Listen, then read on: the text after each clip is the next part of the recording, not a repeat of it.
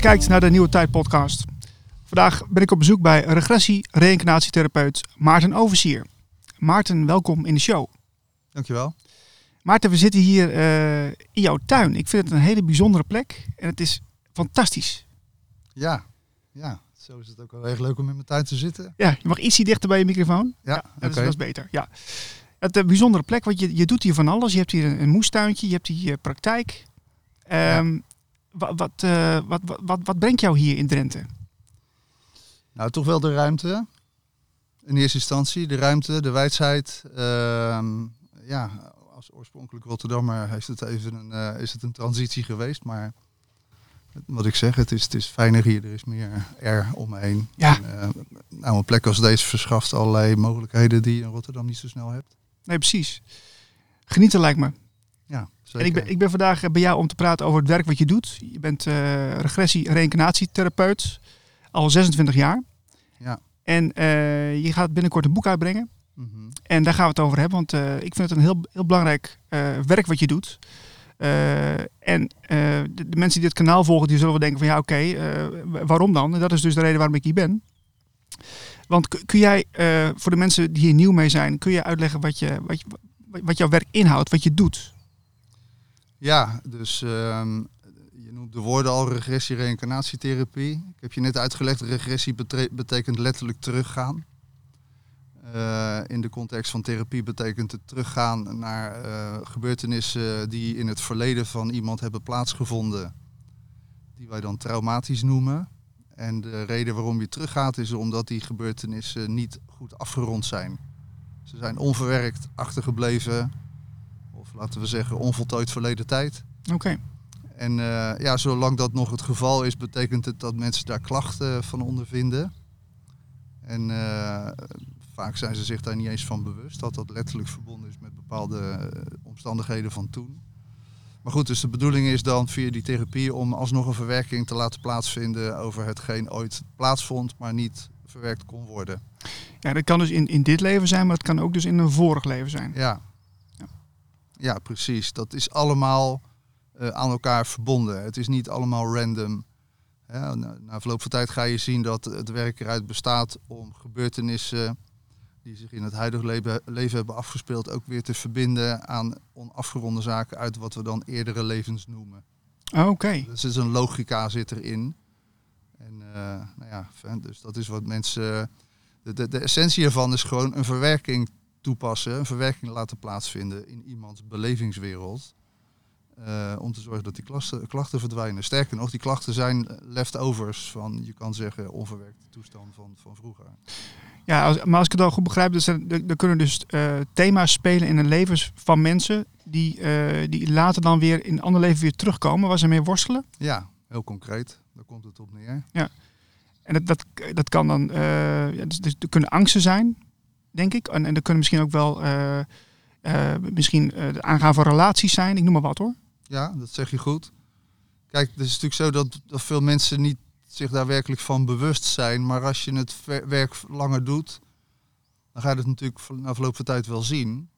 En het is interessant omdat de gemiddelde cliënt die in mijn praktijk komt niet voorkennis heeft. Die heeft zich niet per definitie verdiept in reïncarnatie of in therapie of in vorige levens of in trauma's, weet ik het. Die komen alleen maar omdat ze klachten hebben. Ja. En, ehm, maar goed, eh, vrij snel in de juiste afstemming gaan ze die verbanden dan ook leggen. Mhm. En dan wordt er op een diepere laag, kun je zeggen, allemaal dingen duidelijk. Die voorheen eh, allemaal ogenschijnlijk gefragmenteerd waren. Ja, want ik, ik kan me zo voorstellen dat mensen eerst eh, gaan kijken in, in, in, eh, bij de reguliere zorg om, om zich daar te laten behandelen. En dat ze dan daarna naar jou komen? Of is dat een, is dat een aanname van mij? Ja, nou dat is deels is dat zo. Hè? Dus ik krijg best wel een groot deel mensen die, die zeg maar uitgedokterd zijn in de reguliere hulpverlening. En eh, nou ten einde raad iets alternatiefs gaan doen. Maar goed, er is ook wel heel lang al een tendens gaande van mensen die wel weten dat er meer tussen hemel en aarde is. Die zich, die zich gewoon eh, ook op deze, op deze, via deze aanvliegroute willen laten helpen. Ja. Dus dat is een deel, is dat eigenlijk. Ja. ja. Dus dan hebben we het eigenlijk over, over eh, trauma's. Ehm, wa- wat zijn trauma's die het meeste voorkomen? Ehm, nou ja, kijk, je hebt, je hebt, eh, je hebt een soort overkoepelende trauma's, zul je kunnen zeggen. En, en daaronder zitten veel specifiekere dingen. Dus iets overkoepelends bijvoorbeeld is wanneer je gedurende je jonge jaren in een gezinsstructuur bent opgegroeid waar je eigenlijk nooit werkelijk serieus genomen werd. Dat er altijd een dominante vader of moeder, of soms allebei, aanwezig waren. Die wat, wat, hoe jij dingen voelde en beleefde niet serieus namen en dat daar geen erkenning op zit. Dat is een trauma, maar dat is een, in, in, een invloed die traumatisch is. Want op het moment dat je je eigenheid niet kunt leven, wordt dat per definitie als traumatisch ervaren. Mhm. Maar heel veel mensen beschouwen het niet als zodanig, omdat het niet direct eh, eh, verwijst naar iets zoals een ongeluk, want dat is ook traumatisch. Ja, ja, ja. Een ongeluk of een operatie of eh, het overlijden van een broertje of een zusje. Of het jong overlijden van een vader of een moeder. Of, of in een misbruikssituatie terechtkomen voor agressie, bla bla.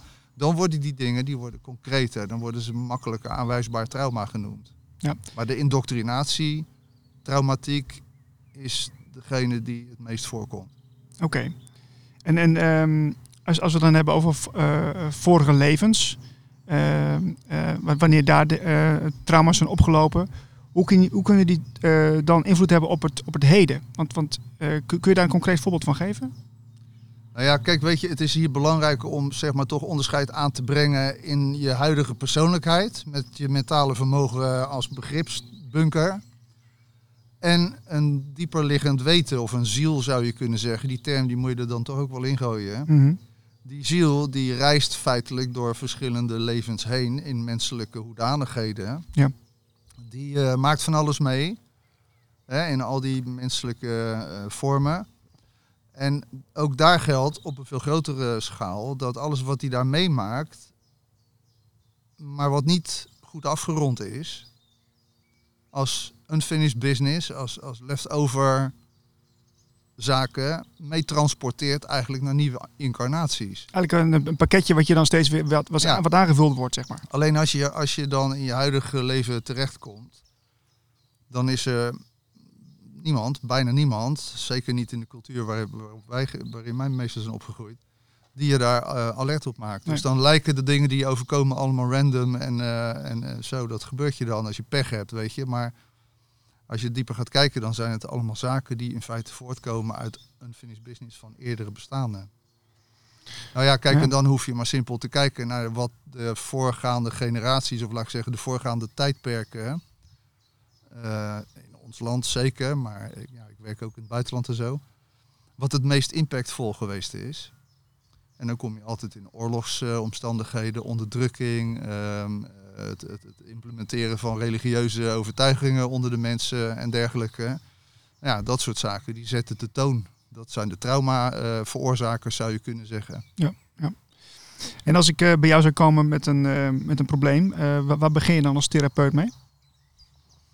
Ja, kijk, in eerste instantie is het natuurlijk belangrijk om inderdaad goed ehm, eh, met elkaar te gaan bekijken wat dat dan voor probleem is. Want in eerste instantie kunnen mensen eh, eh, vage klachten of zo hebben, of soms hele concrete klachten, maar ze hebben wer- werkelijk over het algemeen geen notie van waar dat toe herleidt. Dus het is belangrijk om te ontdekken wanneer die klachten zijn ontstaan, wanneer is het begonnen, wanneer is het erger geworden, wat is er in die tijd gebeurd, op welke manier heeft dat je beïnvloed.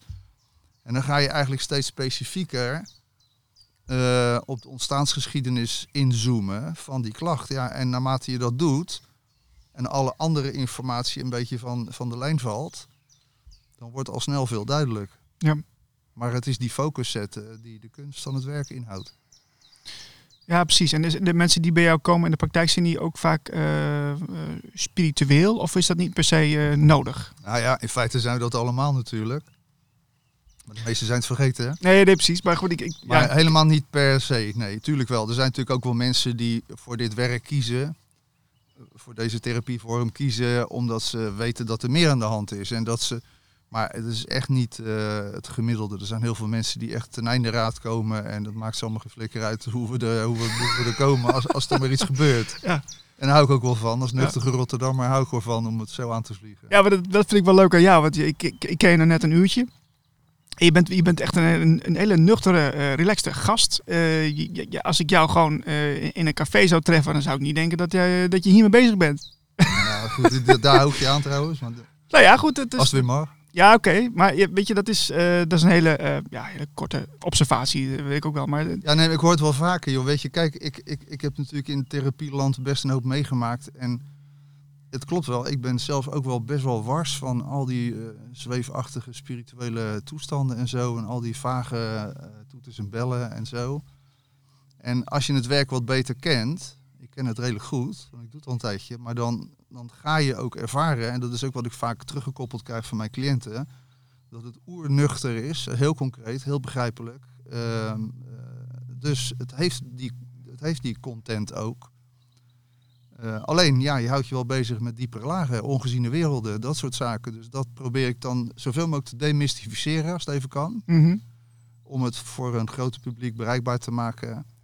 Om de vooroordelen dus zo snel mogelijk af te schoppen. Want die zijn er zat en ten onrechte. En eh, ja, Maar je, je, je benoemde eigenlijk van eh, de, de, de, de- ja, het, het zweverige, het spirituele, dat, dat, daar heb je niet zoveel mee. Maar dit is voor heel veel mensen wel zweverig. Wat bedoel je dan met, met spiritueel? Wat bedoel je met zweverig dan? Nou, kijk, als het niet raakt aan, als het niet raakt aan de werkelijkheid. Weet je, kijk, dus, dus ehm, wat ik vaak zie, met alle respect, maar wat ik vaak zie, is dat er allerlei therapievormen zijn. Die op de een of andere manier allemaal energievelden in beweging willen brengen. En allerlei eh, in- invullingen en oefeningen en, en mantra's en dingen enzovoort doen.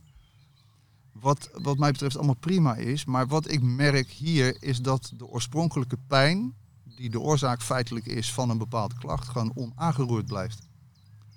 En dat bedoel ik, weet je. Dus Ja. het is best wel eh, op je doel af hier.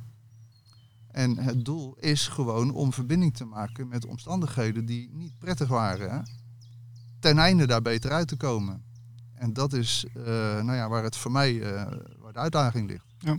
En dat is het verschil wat ik een beetje bedoel. Je bent eh, eh, 26 jaar ben je eh, therapeut. Ehm, er komt een boek aan.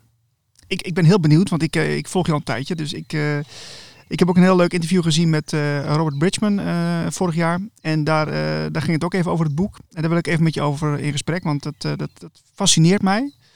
Er zijn dus, eh, als ik het goed begrijp, zijn er dus eh, drie eh, grote periodes geweest, of drie gebeurtenissen geweest in, in, eh, in de geschiedenis die, die steeds invloed blijven houden op volgende generaties. Zeg ik dat goed? Ja, in grote lijnen. Hè? Dus ehm, ja, dat zeg je goed. Dus eh, de strekking van, van die waarneming houdt in dat ik ontdekte gedurende al die, nou het zijn duizend, ik kijk af en toe die kant op, maar dat is mijn praktijk, dat zie je natuurlijk niet in beeld. Nou ja, kun je zo even... Maar daar gebeurt het allemaal.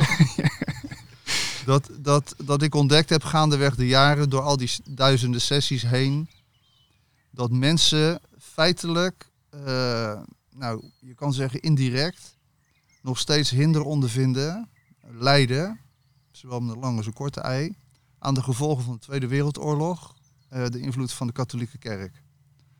En daarbij, als derde, eh, is het zo dat mensen weinig bewust zijn van ehm, hoe, hoe concreet we nog verbonden zijn aan onze voorouders, dat op de eerste plaats. Mhm. Maar zeker ehm, beïnvloed worden door wat zij concreet hebben meegemaakt, die voorouders. Mhm. Wat onuitgesproken is gebleven, wat onder het tapijt is gegaan, enzovoort, enzovoort. Dus, dus de trauma's van je, van je eh, grootouders, zeg maar, en, en de generatie daarvoor, die, eh, die hebben invloed op, op, op ons, op, Ja. op mij, op jou. Ja. Absoluut. Ja, Ja, het is een soort ecologisch systeem, maar dan is het wel belangrijk om net even wat verder te kijken dan alleen de vorm. Hè, waarmee ik gewoon de materiële realiteit zie. Mhm. Maar ik, ik heb heel veel met de Indianen gewerkt en ik heb ontzettend veel van die Indianen geleerd. En ik kom er nog steeds eh, eigenlijk jaarlijks. En daar wordt natuurlijk verteld dat wij spiritueel allemaal verbonden zijn met elkaar. Ja, op, ja, ja. op zielsniveau kan je zeggen. Dus dat het een, een heel, onwaarschijnlijk heel onwaarschijnlijk is voor hun als je je voorouders niet kent. Dus je hebt te weten wat je voorouders doormaakten en dat, om, om jezelf te leren kennen. Maar ja, het bewustzijn waarin wij eigenlijk gevangen zitten is vaak van ja, ik heb ze niet gekend. Of daar praten we liever niet over of wat ook. Dus ga ik gewoon weer verder waar ik gebleven ben. Ja, wat, wat, wat een stuk van de film missen wij dan eigenlijk, hè? Precies, dat is mooi gezegd, ja. Jeetje, mine zeg. Het is, eh, ja, en, en da- daarom vind ik het ook niet zo gek als je nu kijkt wat er wereldwijd gebeurt, Maarten. Hè? Met hoe, hoe we allemaal zo, eh, ja, toch hersenspoeld hier rondlopen met, met, met verkeerde aannames, verkeerde ideeën. Ja. Ja, ik- kijk, is goed. Kijk, we zitten natuurlijk in een dualiteit, dus je hebt, je hebt goed en kwaad, maar ja, het, het is wel heel erg, heel erg misleid allemaal hoor. Ja. Maar weet je, kijk, het is met al die dingen zo. Het gaat inderdaad wel om een soort bewustzijnsontwikkeling door te maken. Een groeiproces. Dat gebeurt in de basis op zielsniveau. Hè? Dus dat is niet een carrière maken of zo. Het is een bewustzijnsproces. En ja, als je kunt openstaan voor het, het idee dat je meerdere levens leeft en dat al die levens met elkaar jou allerlei ervaringen aanreiken die tezamen jou tot een groter bewustzijn moeten brengen. En je kijkt naar de geschiedenis, voor zover die eh, eh, intact is, dat wil zeggen de geschiedschrijving, want Mhm, zoals je weet ja. wordt die altijd door overwinnaars de winnaar geschreven. Ja, precies. en dat gaat, eh, gaan ze straks waarschijnlijk ook doen ten aanzien van wat er nu allemaal actueel is. Maar goed, dan, dan kun je ook wel nagaan, dan kun je uittellen dat er allerlei levens geweest zijn van ons, waar wij ook vastgelopen zijn in allerlei aannames, in allerlei systemen. Ons ook wel eens hebben laten verleiden dingen te doen waar we achteraf spijt van hebben, om het maar zo te zeggen. En al die gebeurtenissen, ja, die tonen zich weer in een nieuw jasje. Dus het Ja. is een, bo- een boemerang, weet je. Dat is wat karma in feite is. Gewoon, het is, het is alles wat je, wat je doet, wat je bewerkstelligt, dat je het gevolg van je handelen gaat ervaren. Ja, want ik ben ben benieuwd naar jou- jouw persoonlijke visie eh, over wat je net zei. Want we hadden het even over de, de, de, de, de groei van, van, van de ziel, om het zo maar te noemen. Eh, wanneer iemand dat niet doet, wanneer iemand eh, ja, liefst bezig is met, met allerlei dingen die, die, die de- groei niet eh, verder brengen. Wat, wat, voor, wat voor gevolgen heeft dat dan? Nou ja, kijk, ik weet niet, eh, ik ga mezelf niet heilig noemen, want ik ken zelf ook allerlei levensfasen, gebeurtenissen in mijn leven, waarin ik het gevoel had dat ik echt vastliep. Dat ik niet dienstbaar was aan mijn pad. En het hoeft niet zijn dat je, te zijn dat je constant in een soort harmonie vertoeft, maar op bepaalde fundamentele stukken kun je vastlopen in Ja. je leven. Ja. En dan voel je van binnen van, Jezus, wat is hier aan de hand? Hè? En dan is de verleiding om op je oude manier door te gaan er altijd wel. Maar van binnenuit word je als het ware, eh, krijg je een overweging van ja, maar misschien wordt het tijd om een knoop door te hakken. Dus Mhm. dat kent iedereen wel, ik natuurlijk ook. En dat is feitelijk gewoon een aanwijzing van een diepere zielenlaag of een dieper bewustzijn of wat ook. Van joh, het wordt tijd om een nieuwe deur in te trappen. En ehm, ja, kijk, er zijn natuurlijk mensen die zo vast zijn gaan zitten in een bepaalde, in bepaalde leefpatronen. Zeker als daar nog een heel zakelijk systeem omheen zit met belangenverstrengelingen, eh, contracten, eh, weet ik het allemaal. Die het bijna onmogelijk maken om nog ehm, ja, voor die zielsontwikkeling te gaan. Ja. Dus in feite zit je gevangen en binnen die gevangenschap kun je alleen maar proberen om het jezelf nog zo aangenaam mogelijk te maken. Maar op een gegeven moment gaat dat doodbloeden. Ja, precies. Maar wat, wat, heeft dat dan voor gevolgen voor jouw verdere leven? Ik bedoel, betekent dat dat je na deze reis hier op aarde weer, eh, weer iets opnieuw moet leren? Of dat je, dat, je, dat je het overnieuw moet doen of iets dergelijks? Hoe, wat denk jij? Nou ja, ik, kijk, voor zover ik het kan zien, lijkt het daar wel op. Hè? Dus, dus wa- wat ik gewoon zie, kijk, ik doe geen progressietherapie. Dus ik hou me niet zozeer met de toekomst bezig. Hoewel er zich wel een plaatje ontvouwt. Maar wat de ervaringen van mijn cliënten laten zien vanuit vorige levens, is wanneer zij daar rond een bepaalde omstandigheid op hun bek gegaan zijn, dat die omstandigheid terugkomt in een nieuw jasje om weer als het ware to pick up the pieces ja, ja, ja. van het verleden. Ja, ja, ja. En daarmee kunnen ze dan verder ten einde nieuwe keuzes te maken. Dus eigenlijk ik zou het ook zo kunnen zien dat je, eh, als je een, een, ja, een leven eh, start, je, je wordt geboren, dat je, dat je eigenlijk een, de omstandigheden worden, die, die zijn er om daarin te groeien. Dus, je, dus Ja. kan het ook zijn dat die omstandigheden dan zo worden gecreëerd dat jij daar juist in kan groeien? Eh, Of is het, gaat het wat ver? Ja, maar je moet ze wel herkennen. Hè? Dat Ja, is ja. een beetje, je wordt zo onwijs misleid. Vanaf het begin af aan worden we misleid.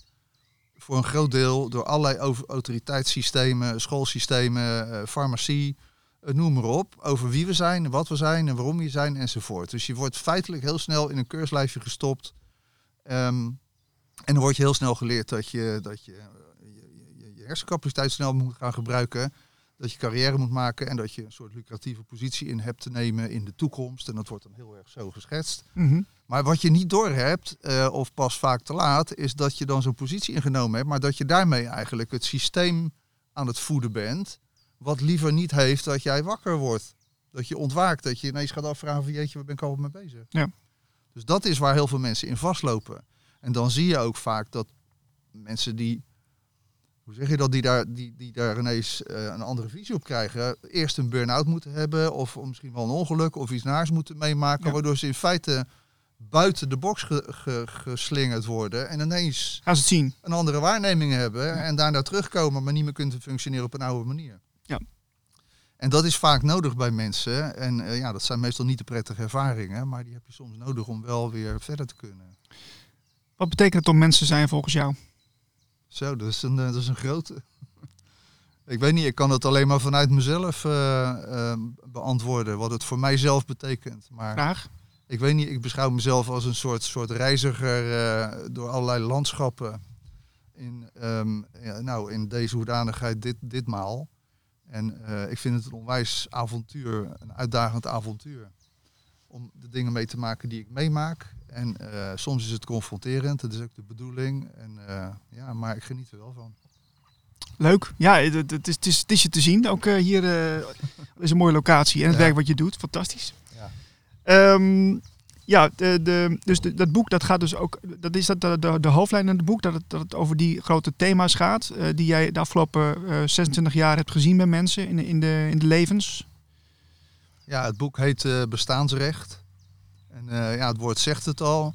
Dus als ik eh, een resume maak van alle sessies die ik gedaan heb in de loop der tijd. Ik heb zelf ook eh, een hoop meegemaakt en onder, ondervonden en zo.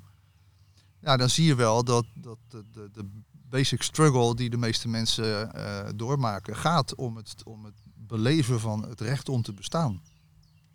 En dat is op zich eh, bijzonder, want eh, in feite is het leven eh, vrij en onafhankelijk van wat. Hè? Dus dat betekent dat er alleen maar systemen opgetuigd zijn door de tijd die jou in het idee kunnen laten dat je niet vrij bent. Controle.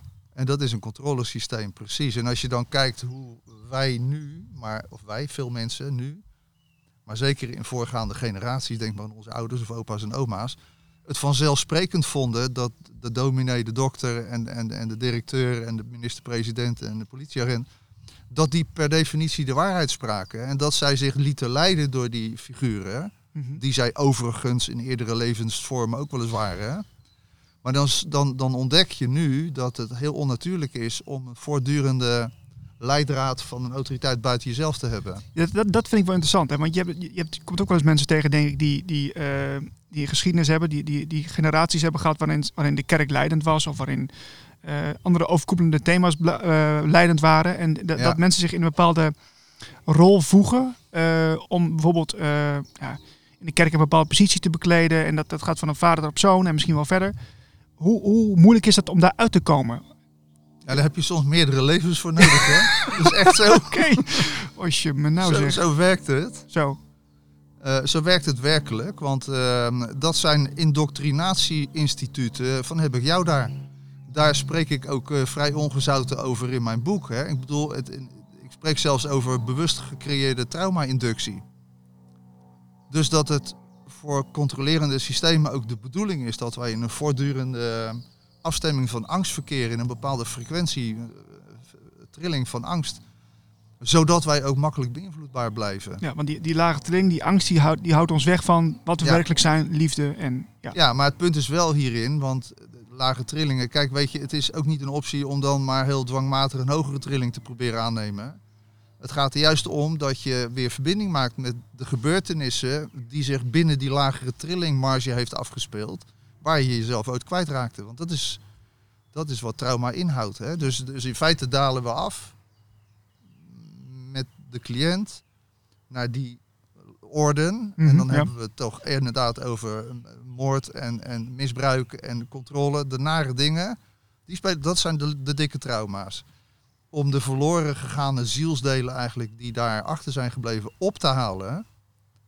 En dan kan je terug. Ja. Maar dan ben je completer. En dan hoef je ook niet meer per se al die hoge trillingen na te streven. Dan kun je gewoon in je eigen afstemming komen. ja. En die, die, die verloren zielsdelen eh, die je net wa- zijn, zijn, moet, moet ik dan aan energie denken of moet ik dan, wat moet ik dan aan denken? Ja, dat maakt het, dat, dan moet ik natuurlijk toch iets wat abstract is, wat, wat concreter zien te maken. Kijk, je moet je voorstellen dat, dat een ziel eh, is niet, niet een, een, een dingetje, het wordt wel eens een vonkje gezegd, maar het is een soort veld van leven, kan je zeggen, met een Mhm. essentie, met een kern erin en een veld van leven. Dus ik, ik, ik praat dan liever over levenskracht of levensenergie. Mhm. En zo heb jij jouw levensenergie, ik heb de mijne en de daar ook. Zo heeft iedereen dat. Maar zodra jij in een gebeurtenis terechtkomt waar nare dingen gebeuren, dan neigen mensen op dat moment ter overleving te dissociëren. Dus dat betekent dat zij een deel van die levensenergie los gaan maken van de gebeurtenis die zich in een fysieke vorm afspeelt. Een soort afsplitsing. Dat is een soort afsplitsing.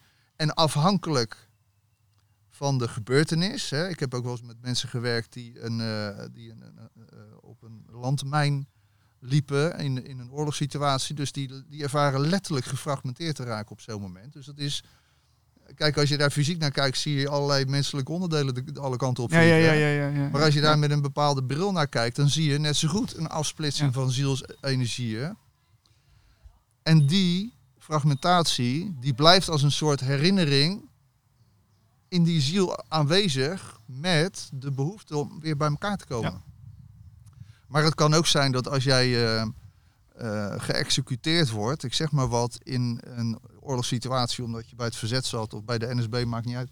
Maar dat die kogel die erin komt, net zo goed zorgt dat er op dat moment een dissociatie plaatsvindt van jou met het lichaam, dat je verwacht dat je straks kapotgeschoten wordt. Mhm, mhm. Snap je? En al die zaken die hebben dus die zielsafsplitsingen als het ware, afhankelijk van welke eh, gebeurtenis het is.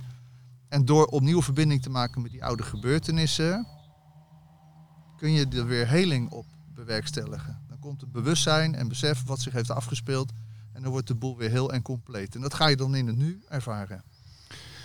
Jeetje, wat een, wat een mooi, uitle eh, mooi uitleg, eh, Maarten. Het is, maar ik, ik besef me wel steeds meer dat, dat er zoveel mensen wereldwijd rondlopen die, die, die ja, eigenlijk als een soort kip zonder kop eh, maar, maar wat doen.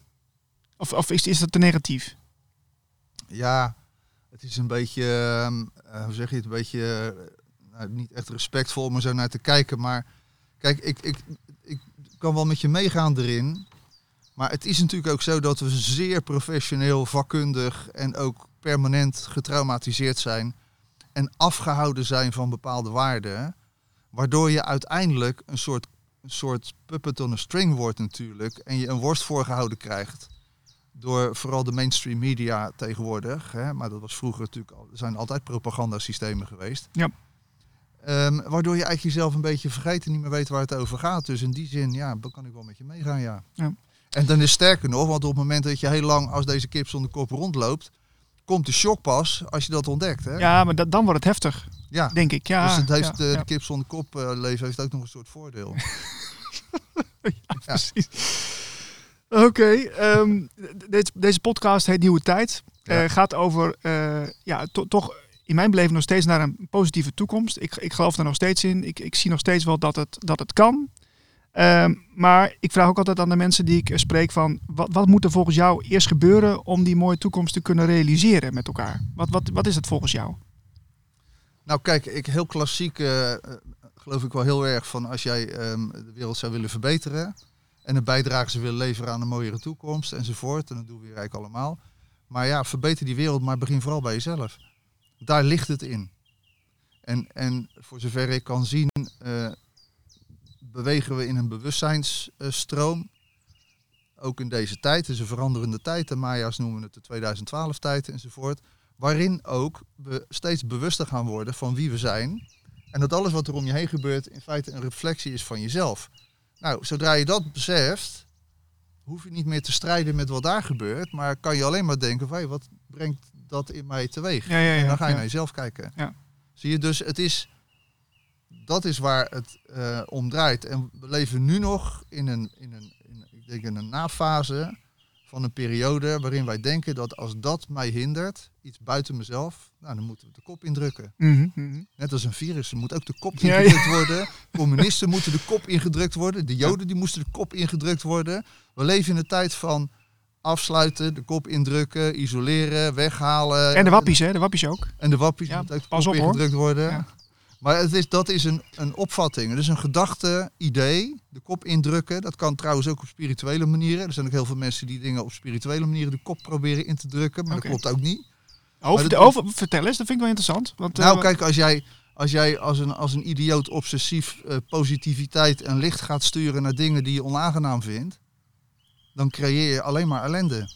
Oké, dus, dus het licht sturen naar al die eh, negativiteit, dat, dat heeft volgens jou geen zin. Nee, dat, heeft, eh, nou, dat gaat heel erg averechts werken. Maar waar- waarom doen mensen dat dan? Nou, dat is, dat nog, dat is in mijn beleving is een oude opvatting. Hè? Dus het is een beetje een soort eh, een spiritueel jasje gooien, sausje gooien over een oude, oude gedachte. En de oude gedachte is dus bestrijden, bevechten, wat ik net allemaal zei. Nou, dat doe je dan met kogels en zo. Vroeger of je geeft iemand de klap op zijn bek en zo. Dat werkt ook goed. Maar Ja. de spiritueel getinten, die kunnen denken... nee, dat doen we nu heel netjes. We gaan nu licht sturen en Ja, ja. positiviteit sturen. Maar in feite zijn ze nog steeds hetzelfde aan het doen. Het is veel belangrijker als jij iets als zogenaamd negatief en ongewenst ervaart... om je af te vragen, wat zegt dit over mij? Wat representeert dat van mij? Daar heb je veel meer aan. Want dan dus- kun je namelijk, want niets komt voor niks op je pad. Dan kun je gewoon eh, interactie creëren met datgene. En dan zul je zien dat wat het representeert een verloren gegaan zielsdeel van jezelf is. Iets wat je niet hebt willen accepteren. Misschien wel een grootvader of een grootmoeder die in de oorlog bepaalde dingen deden waar ze later spijt van hebben. En ja, daar ga je natuurlijk niks mee bereiken op het moment dat je die als een gek gaat bombarderen met positiviteit. Dus eh, toeval bestaat niet. Nou, in die zin zeker niet, nee. Nee. nee toeval is natuurlijk eh, een woord wat in het leven geroepen is als een soort containerbegrip voor hetgeen wij niet begrijpen. Ja, dus, de, dus eh, ook weer een soort van manier om daar niet meer naar te kijken, zeg maar. Ja, Ja, ja. precies. Maarten, heel bedankt voor het gesprek. Nou, graag gedaan. En eh, wie weet tot snel. Oké.